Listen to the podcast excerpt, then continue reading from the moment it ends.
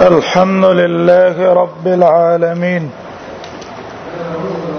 والصلاه والسلام على سيد الانبياء والمرسلين وعلى اله واصحابه اجمعين وعن عبد الله بن عمرو رضي الله عنه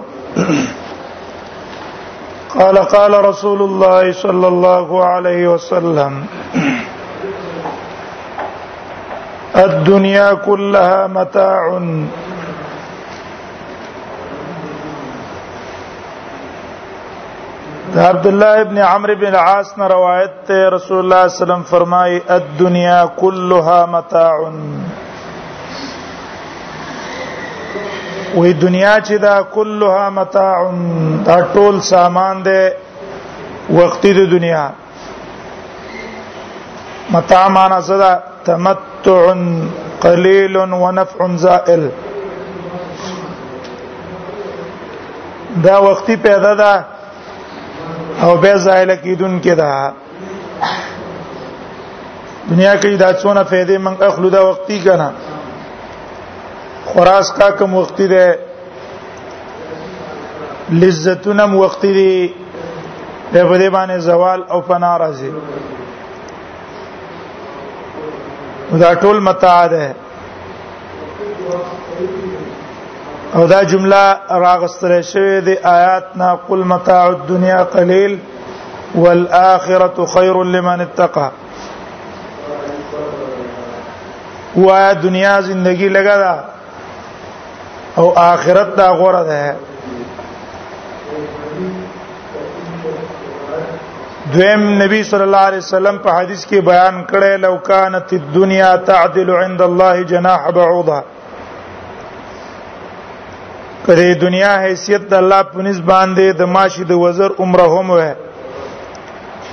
نو ما سقا منا کافرن شربا کافر ته به یو ګټم نه ور کړه خو د ماشي د وزر عمره قیامت هم د الله په نس نشته ځکه کافرانو ته ور کوي دا د متاع به د متاع تفسیر یا علما وکړه ده چې متاع څه ته ویل کیږي اسمعین او قول نقل له چې متاع دې ته ویل کیږي الجیفه التي یاکلها المستر هغه مردار ته ویل کیږي چې سړی په ځنګل کې ده سخ اوګه ده او دې را اولګيږي د اولګي د وجنه دا مردار خوري نو دې ته ویل کېږي متاع ځکه ضرورت مطابق به خوري غیر باغی ولا عاد تجاوز بم نه کید حد نه اوړم نه دنیا متاع شو دوی مثال لاغه د پاره علما ور کړه ده د متاع هغه شی چې سړی په لوخي انځي شوړه چوتوي زنانا کمزې کې چې لوخي انځي نو الته یو کپړای ا ککړې ګندای لوخي پاغي باندې وینځي چې کله وینځي استغاثه کې وغورځي دنیا هم د قصې شه ده خپل پیدا وي پوره کې مقصودی به نه ګرځي وخير متاع الدنيا او غره شی په سامان د دنیا کې المرأه الصالحه نیکه خزه ده په دنیا کې چې څونه شي نه دې پیدا غستلو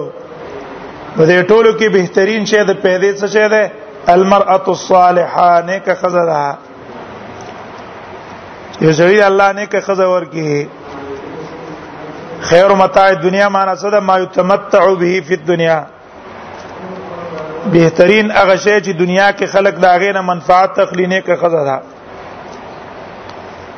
وجدار چې نه کې خزه وا دا به تاسو سره مدد کوي په امور د آخرت دا خشوا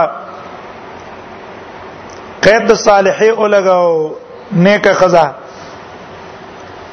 وجدار ک سړی خزه خو صالح نه وا بد اخلاق وا بیا دا د انسان د پاره عذاب دی عذاب دینه اوچت عذاب بل نشتا دا ډېر لوی عذاب دی د انسان د پاره چې بد اخلاق جنگيري خزا چې صلاح پکې نه بد عملي او دا د سړي خزا شي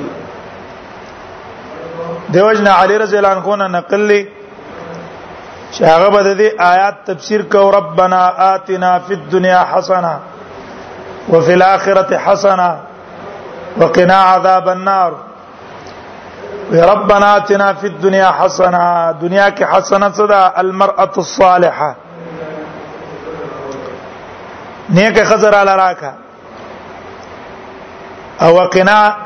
وفي الاخره حسنه او په اخرت کې حسنه را لراکا اخرت کې حسنه زه د حور حورا حوري چې کوم دي اگر را لراکا او وقنا عذاب النار بالمرأه الصليطه یا الله د عذاب د مو اور نه مې وساته مراد تنه بد اخلاق خزه دا زبان درازه بد اخلاقه هغه نه مې وساته تیبی سے بوای وې دلته رسول الله صلی الله علیه وسلم قید صالحی اولګو المرأه الصالحه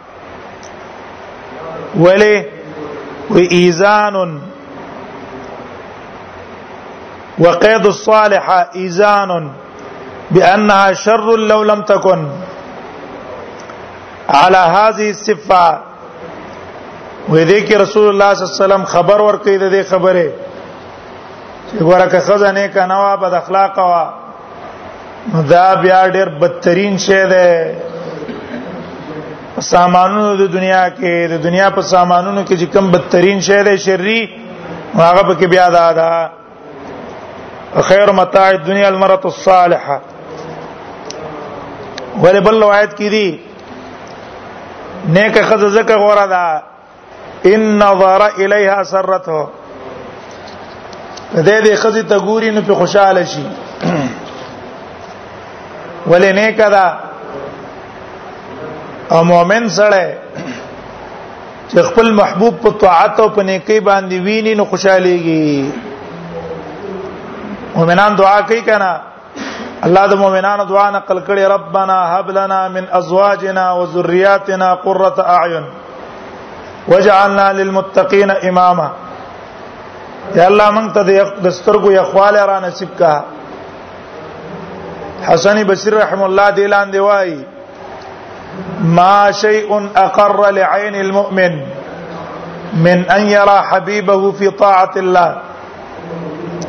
او نشته دی یو شی چې هغه خون کې د پاره د سترګو د مؤمن سړي مؤمن سړي په یو شی دونه نه خوشاليږي په نسبت د دې من ان يرى حبيبه في طاعه الله چې خپل محبوب د الله په طاعت کې ویني د سړي خزه په نه کوي کې را بچی په نه کوي کې دین او داس مؤمن په دې باندې خوشاليږي چې خره زما دا بچي او زما دا خزه په طاعت کې لګیا ده نو ان نظر الیها سرته او ان امرها اطاعته او کدا خاوند خزه ته حکم کوي دی او خبره چې دا وکوا دا مکوا نو اطاعته دا خزه د خاوند خبره مانی زده نه د جیبس په خپل خبره کله کولاړی خاوند ته یو څوې دا بل څه کوي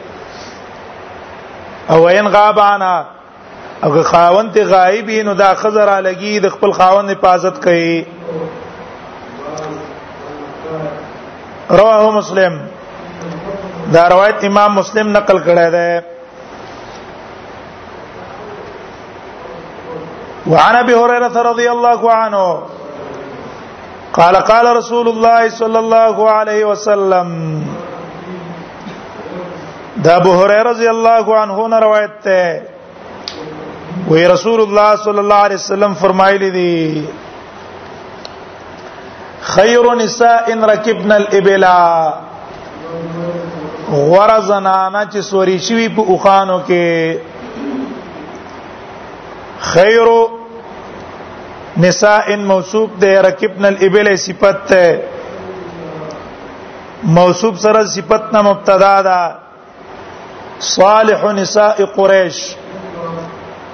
داولا خبر ده نو خیر نساء ان غره پاغه زنانو کې چې سوري شوی په خوانو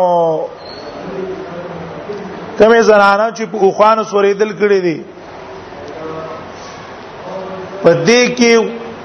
غوړه خزي کمی دي صالح نساء قریش نیکي خزي د قریش دي خیر نساء رکبنا الابل نه مراد عرب زنانه دي ځکه په سورلی به اکثر عربو کولا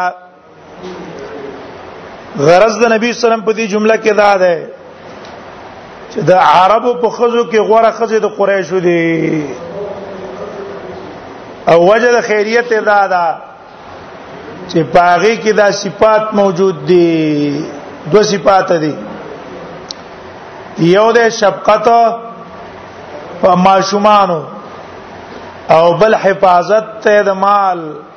او د جاه او د عزت د خاوند رسول الله صلی الله علیه وسلم ترغیب ورکړي امت ته چې تاسو نکاح کوئ د قریشی او خود سره وکړئ ځکه پای کې دا خسته صفات دي او زمنن ترغیب ورکړي چې خزه کوي نو دي صفات باندې په نظر ساتي او زنانه تم ترغیب ورکړي چې زنانه له پکار دادي چې دا دوه صفات په ځان کې پیدا کی ځکه دا صفات دي دا غیر کمال چې دا دوه صفات په کم خزه کیو دا دلالت کوي دا غیر په شرافت او په کمال او دا دوه صفات اصل کې په نساء او قریش او کشتان او زکه هغه څه شولې په ټولو عربو کې غوړه شوې خیر النساء خیر النساء رکبنا الابلا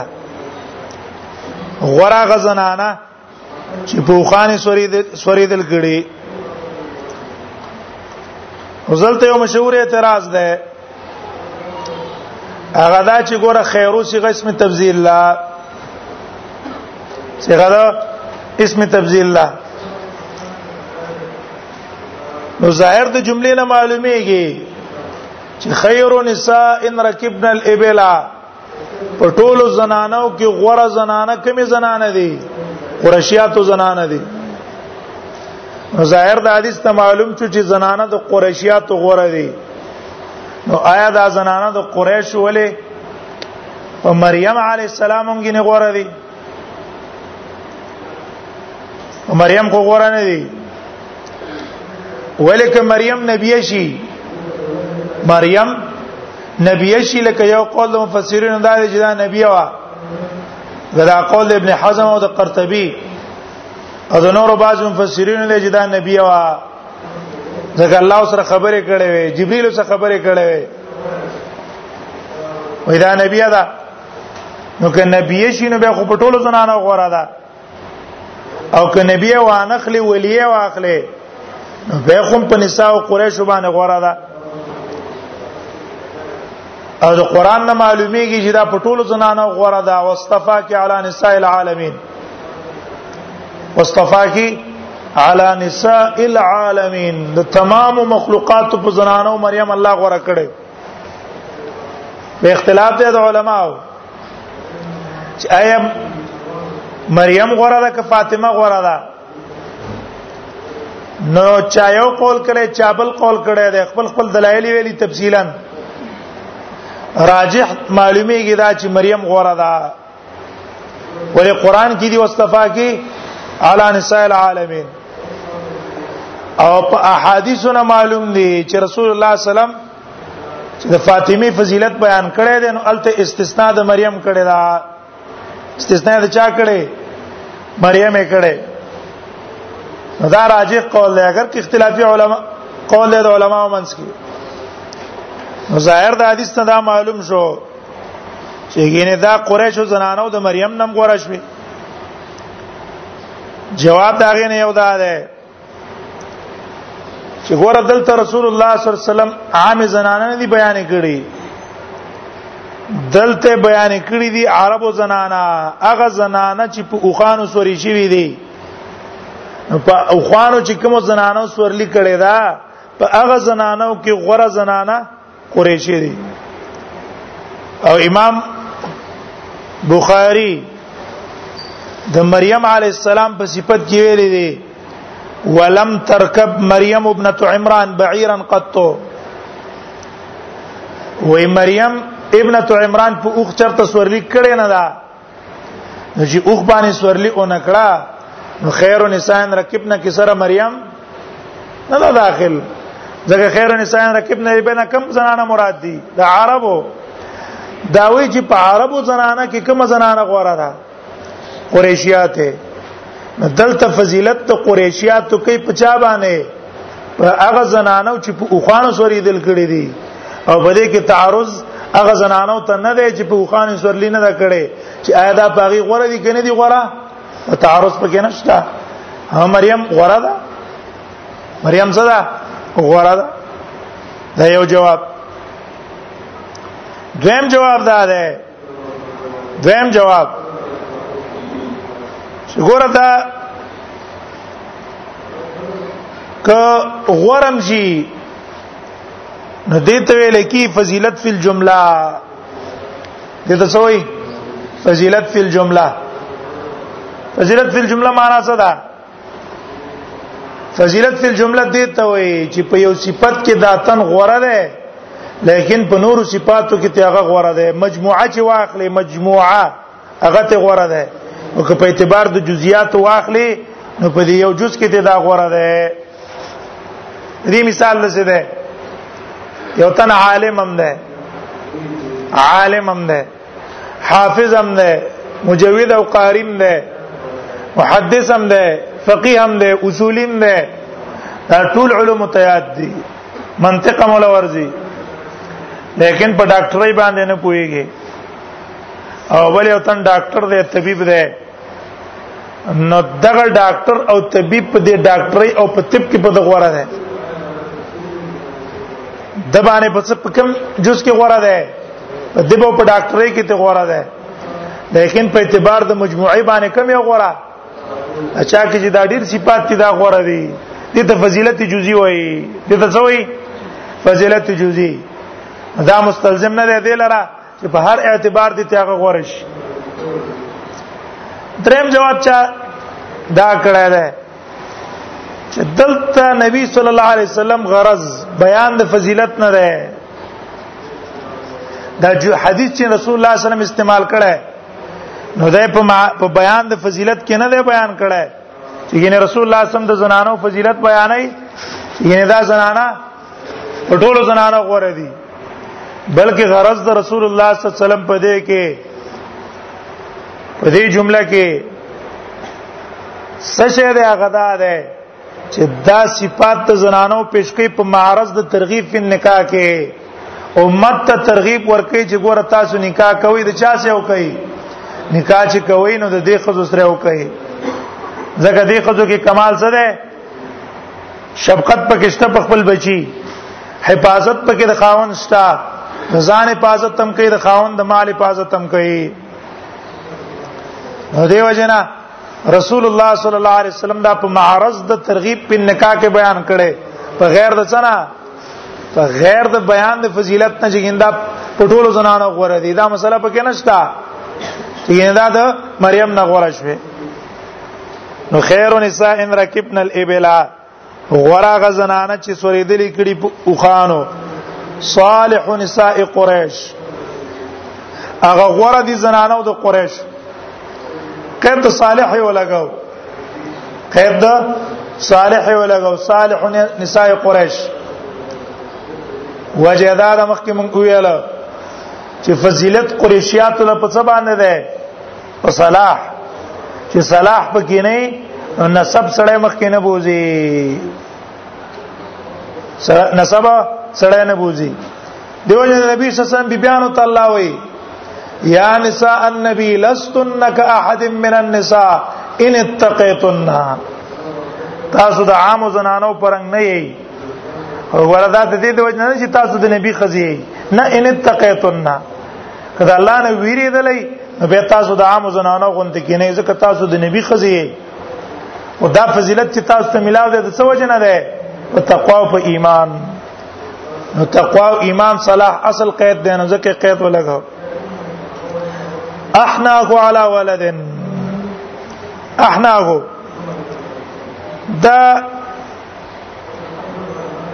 جواب ته اصل کې دی یو سوال احنا والا ولد دا جواب ته دی یو سوال گویا کې ته پوس وکړې شو چې ما سبب فضیلت ان وې سبب ته فضیلت تاغي څه ده احنا دا جمله مستانفه ده جواب ته دی یو سوال سوال دا ده چې ما سبب کونهن خیرا څه سبب ته د پاره د غوروالو د قریشیاتو دا قریشیات چې غوره دي نو د دې د غوروالي سبب څه ده سبب یې څه ده رسول الله صلی الله علیه وسلم جواب کو جواب چې بانهن اشفق جنس النساء سبب د فضیلت پکې دا دوه دي چې په تمام زنانو کې دا ډېر شفقت کوونکې دي په خپل بچي او دویم ډېر حفاظت کوونکې دي د مال او د خپل عزت احنا علی ولد احنا دا صيغه د اسم تبذيل لا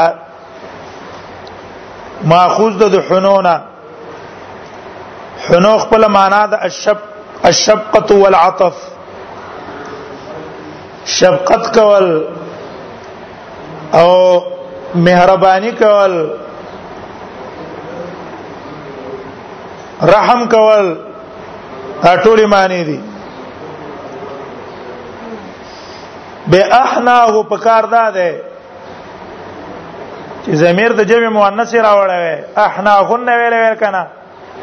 احنا هن زکه په دې ټولو زنانو کې دا ډیر شفقت کوونکې دي په خپل بچو او ارعاهن او ډیر حفاظت کوونکې دي او نبی صلی الله علیه وسلم ضمیر د جمع مؤنث ذکر نه کړو بلکې ضمیر د مذکر استعمال کو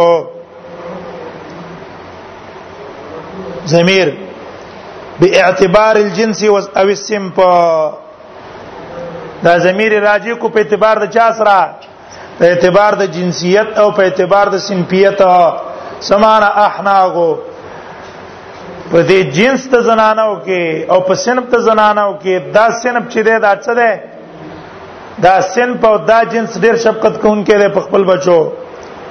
او دا ډیر شفقت کوونکی دی په ماشومانو ضمیر د مذکر راجع کو په اعتبار د جنس احناو کې ضمیر چا ته راجع دی هغه سن ته چې رکبنا الابل کې داخل شو هغه زنانا چې په اوخانو سوري شي وی دي په هغه کې قسمه قسم سنپونه دي په هغه کې غوړه سم کم ده احناغو دا چې ده کنه په دغه سیمپونو کې دا سن ډیر شفقت کوونکی دی په خپل بچي او ډیر حفاظت کوونکی دی د مال نو حنو شفقت ته وای علا ولدن پر روایت ته مسلم کې دی علا یتیمن شفقت په یتیم باندې کوي بل روایت کې دی علا طفلن په ماشوم باندې شفقت کوي بیا علا ولد ذکر کو علا ولد نکره ذکر کړه نکره د تنکیر کی اشاره وکړه دیتا چې دا خزه شفقت کوي په هر معشوم شفقت کوي هر معشوم برابر خبره ده کدا د دې زوی د دې زوی او که د بل چا زوی اگر که بنځه ولې نه اگر که بنځه ولې نه خو په ماشوم باندې شفقت کوي د وجه د صغر دا غنه چیرې دا ماشوم دی او دا لایق دی د شفقت چې بده باندې شفقت وکړي شي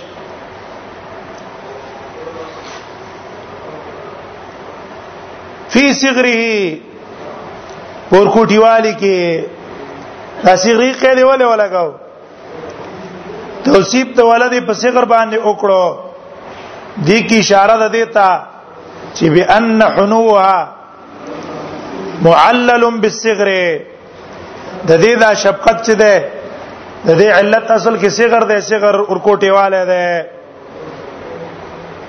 وکوټه والے او الصغر هو الباعث على الشفقه او دا صغر اصل کې باعث ته په شفقت نو چرته چې دا وصف موجود شي الته د دې خزي شفقت موجوديږي چرته چې دا وصف د ماشوموالي د صغري الته به دې زنانه شفقت موجودي او موجودي به حانیه چاته وي نو هروي سه بوای امام د لغت هغه الحانیه من تقوم على ولدها بعد كونها يتيما حانیه دې ته وای چې دارا لګيږي په خپل بچي پاتې کیږي داغه د تربيت د پاره چې دا یتیم شي یو خزه ده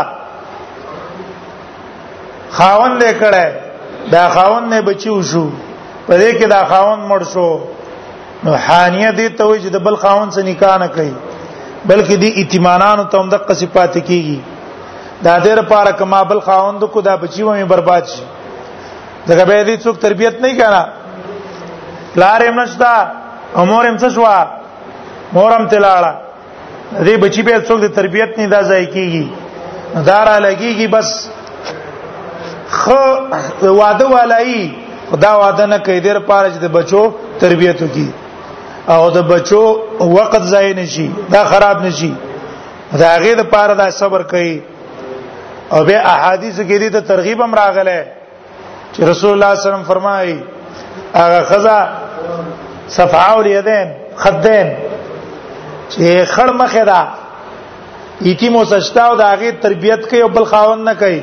او فقر پاکه پاغه تیري دا ما سب جنت کې سي دا سي نږدې وي کهاته اند دوه غوته پشان رسول الله صلی الله علیه وسلم ته ترغیب به ور کړه ده احنا والا ولد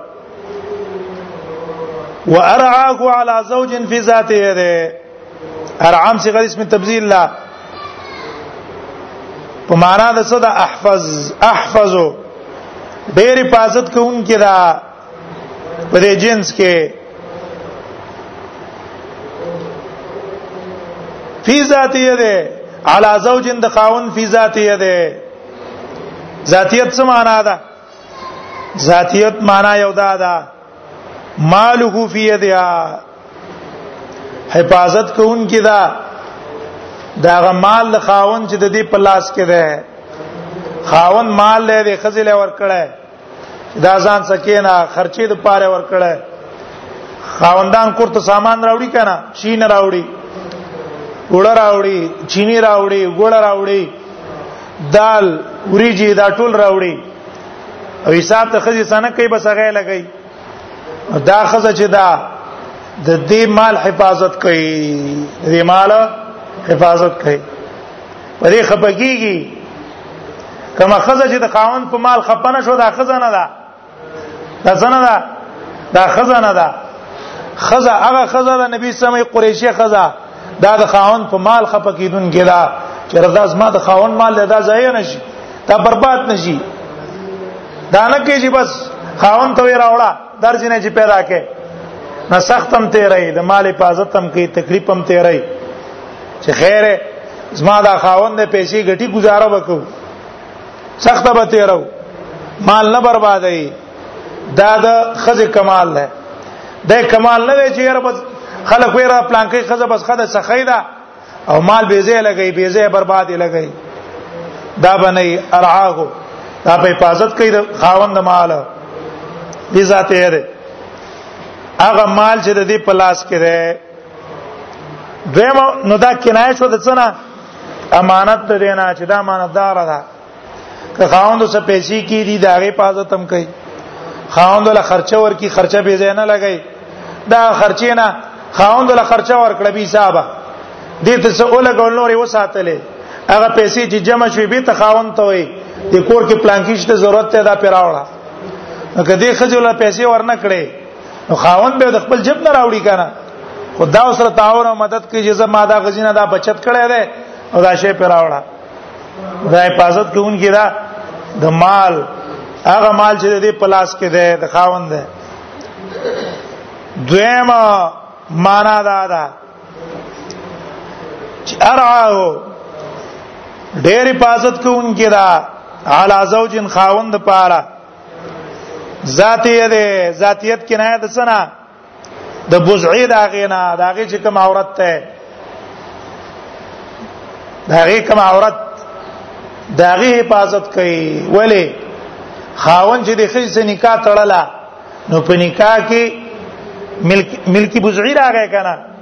په بوزعي باندې ملکیت راغې نو دا خزر لګي د خپل ځان حفاظت کوي د وادنه ورستو او نمخ کې د پردو خلکو سره تعلقات نه ساتي د پردو سړو سره د پردو الکانو سره تعلقات والا نه ده بلکې حفاظت کوونکی دا د خپل عورت د پاره د خاوند چې دا عورت اوس د خاوند نه کزه بیزه او درې دلم بیزه خبره مې د چا سو کړې نو مخ کې بیزتی ما صرف د پلار او د مور وا وس زما بیزتی د خاوند اول نمبر بیزتی مې د چا ده خزه چې واده شي او چې خوش خوشي ګرځي خلک پلار ته نسبت نه کوي چاته نسبت کوي خاون ته نسبت کوي ورکه دا پلان کې خزه ود شي ګرځي او پلان کې ته ګوره سره خځ ته څوي نه دا شرم د خاون دی دیو جن دا د خپل ځان څخه کوي دا د حفاظت کوي د عورت حفاظت کوي د پاره د خاوند چیرې دا زما خاوند باندې تهمت نه لګيږي یا زما خاوند باندې څه عیب را نشي ورعاو علی زوج فی ذات یده به د حدیث ته مسله معلومه شولا نو په دې دیمه معنا کې څه شو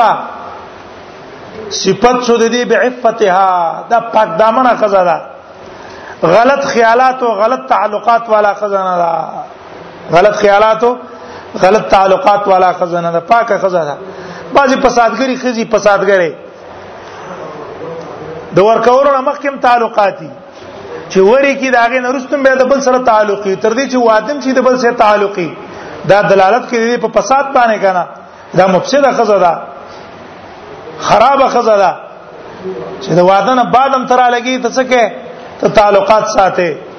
دا غلط خوې ده غلط مزاج ده ورعه علی زوج فی ذاته ده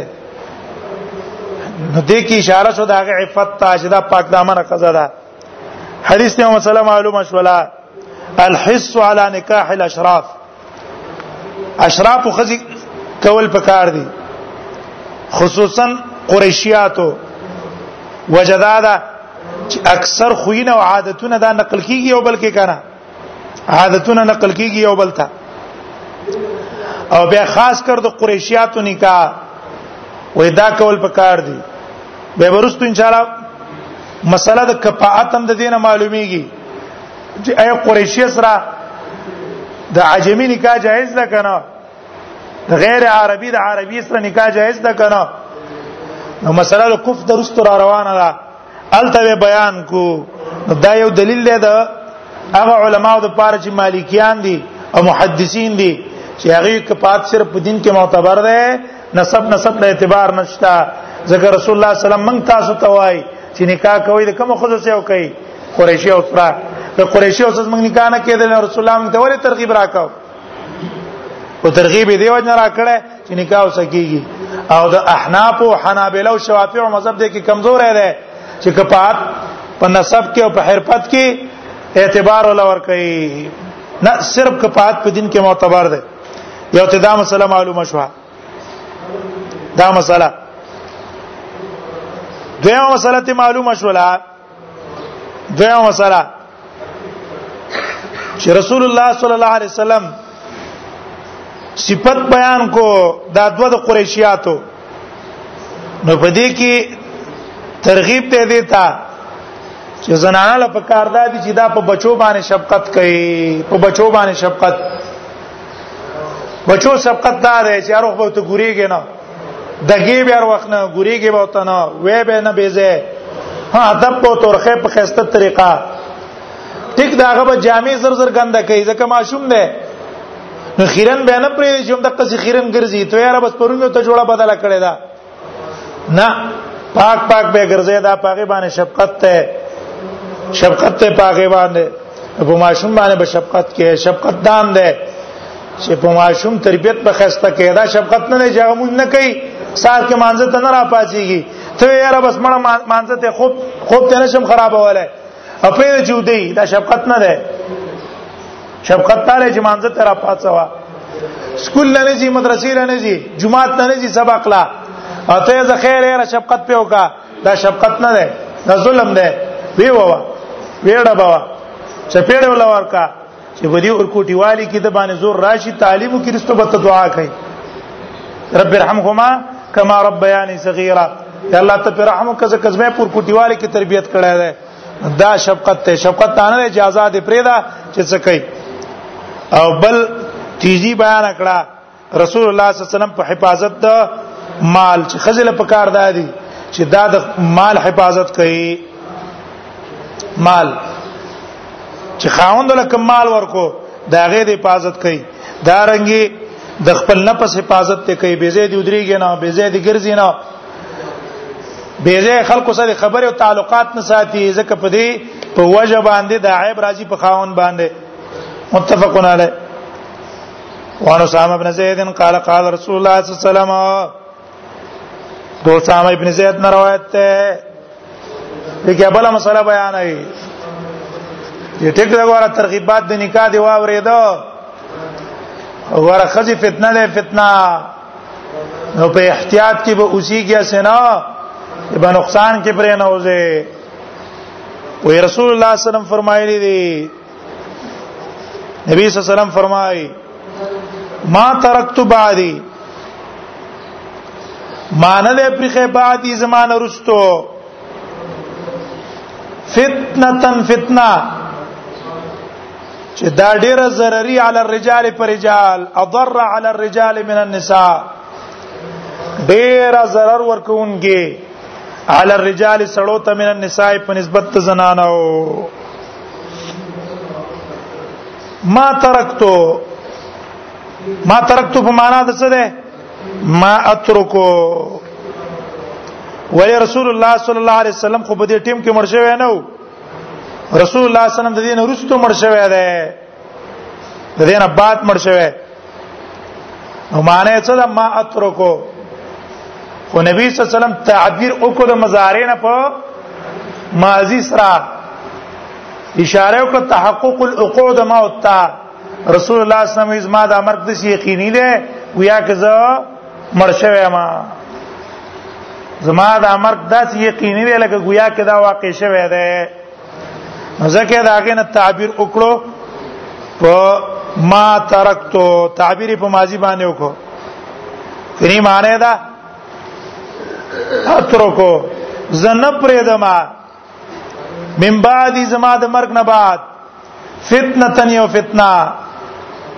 اضر على الرجال من النساء چې ډېر zarar ورکون کی سړو ته په نسبت ته زنان او فتنه ویل کی څه تا افتتان کې خپل معنا د اوړېدل افتتان کې څه معنا ده اوړېدل دارنګي افتتان کې معنا د جدا کېدل لکه فتنت الذهب على النار دا کله وای چې سر زر دی پور باندې ګرم کړه سره جدا کی او دا هغه کې چې کم ټانکی مانکی دي دا جدا وباسي دې فتنو کې اصل کې فرق را تمیز راځي په مابین د مطیع او د عاصی کې وی فتنه برازي او په دې ټولو فتنو کې ډېر غټه ضروري فتنه څه ده دا د زنانو فتنه ده اضر على الرجال من النساء د زنانو فتنه څه کړي را ده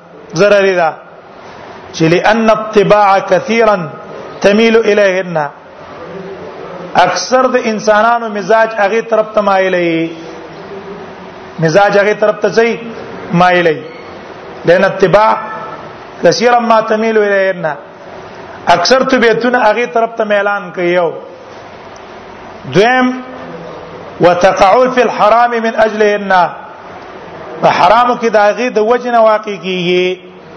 د هغه د وجنه حرامو کې واقع کیږي دا ناروا کارونه چې کوي حرام کارونه چې سړی کله کوي او دا د خزي د خرچې د وجنه کوي کنه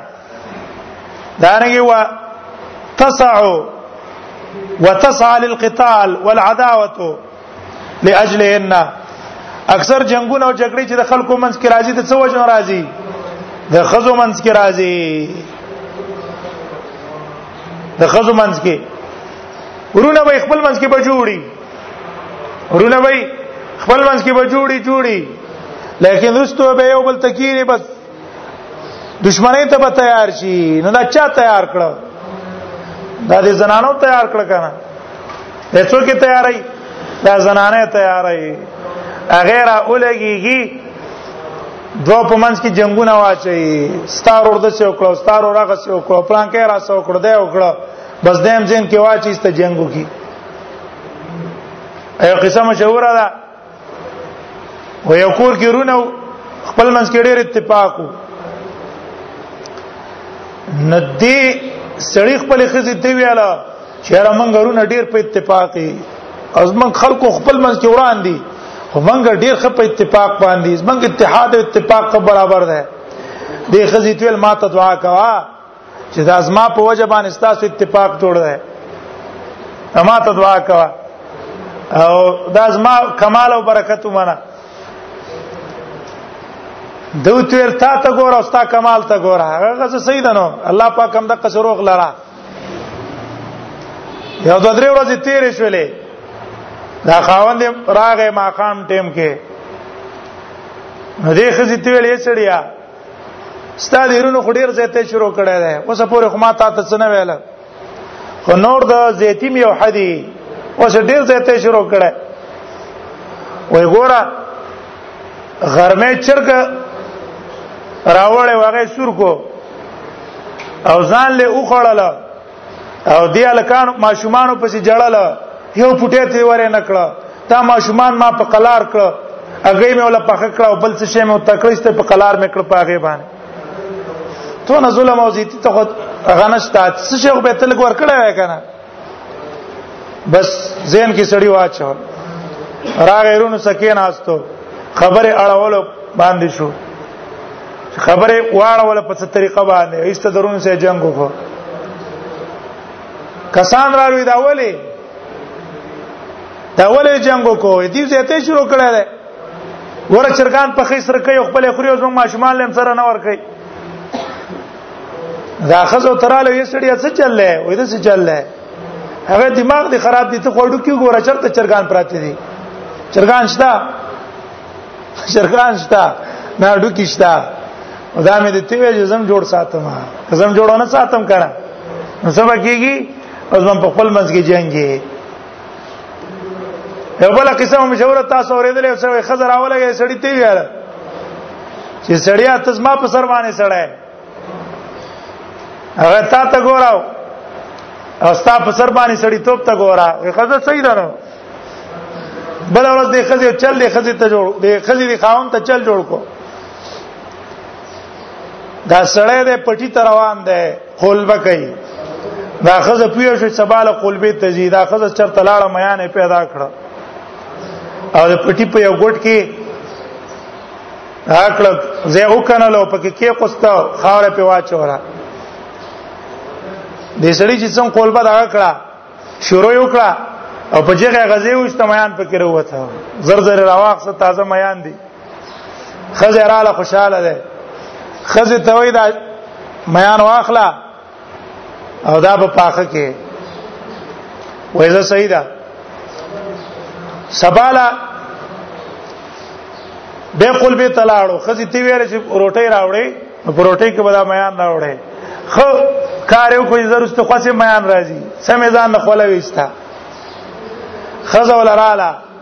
او ما غ دال مالی په خړی مخې ته تکې خوست نه دا سره یو ځل خزه ترا په غوسه شو میان دې سکړه هغه میان چرته وي په پرون مینو درکړي هستا دماغ خراب شوی دی یو ځل کانی ته سړی لاس کو چې څنګه دي ما خراب دي پرو ما در نکړه په خزي گزارو کو خزي یو ځل خلکو ته आवाज وکړي چې ورو نزل تراشي دي سړی باندې څه چلو شو کسان را ولې څه چلله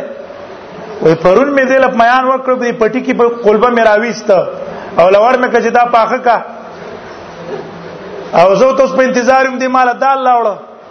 هغه ته یورونو دې سړی په دماغ کې فرق دی ډاکټر له بوزي میان بوبو کې کې پوچ پټي کې خلکو یې رښتیا ده زر زر سړی ونیو او کټه راوخته په کې وی تړلو او دې دا زور کوي چې میان څه جو میان څه شو دا خزه پسې شاته و دې کسانو ته وی چې الله تاسو له جر درکې او دا زما کور ته ورسوي سړي باندې فرق را دماغ کې فرق راغله نو دا خزي ځان سه یو مې وړې ده خو دې لمې نه شا لاندې پټ کړې ده پټ کړې ده نو چې دا سړی خو سر دې طرف ته دا خزه په شاته روانه ده کسانو کټ مخ کې پورته کړي چې دا د سوچت چې دا مې او ته د سیو خي او دا کټ کې چغه شروع کی چې هغه دی هغه دی هغه دی اما یار هغه دی هغه دې طبيعت ته مې پټ کی کسانو ته وی چې الله تاسو ته اجر درکړي چې دا سړی را سره علاج وکړي اخر کور ته پر رسوله کور ته چر ورسو کینو میان ولا راغستو دا واخله وسی اخرى څنګه چلې ما په سر باندې سړی کني سړی ازر علی الرجال من النساء په سړو باندې د زنانو پشان خطرناک فتنه مارستو نه د پرخه وای دا ډیره غټه فتنه ده ځکه د انسان طبيعت میلان دې طرف ته ده د دې د وجنه په حرامو کې واقع کی د دې د وجنه دشمنان راضي او ادنا وې دا د ادنا چې دا خزه سړی ته رغبت ورکې په دنیا باندې او دې نه بلغټ فتنه شته الدنيا راس كل خطيه دا سر ده د هر ګناه دیو یو روایت مسند فردوس دیلمی کې راغله د انس رضی الله عنه روایت ده وی رسول الله صلی الله علیه وسلم فرمایي چې ما شی شیء و ان الشیطان طلاع رصاد و شیطان چې ده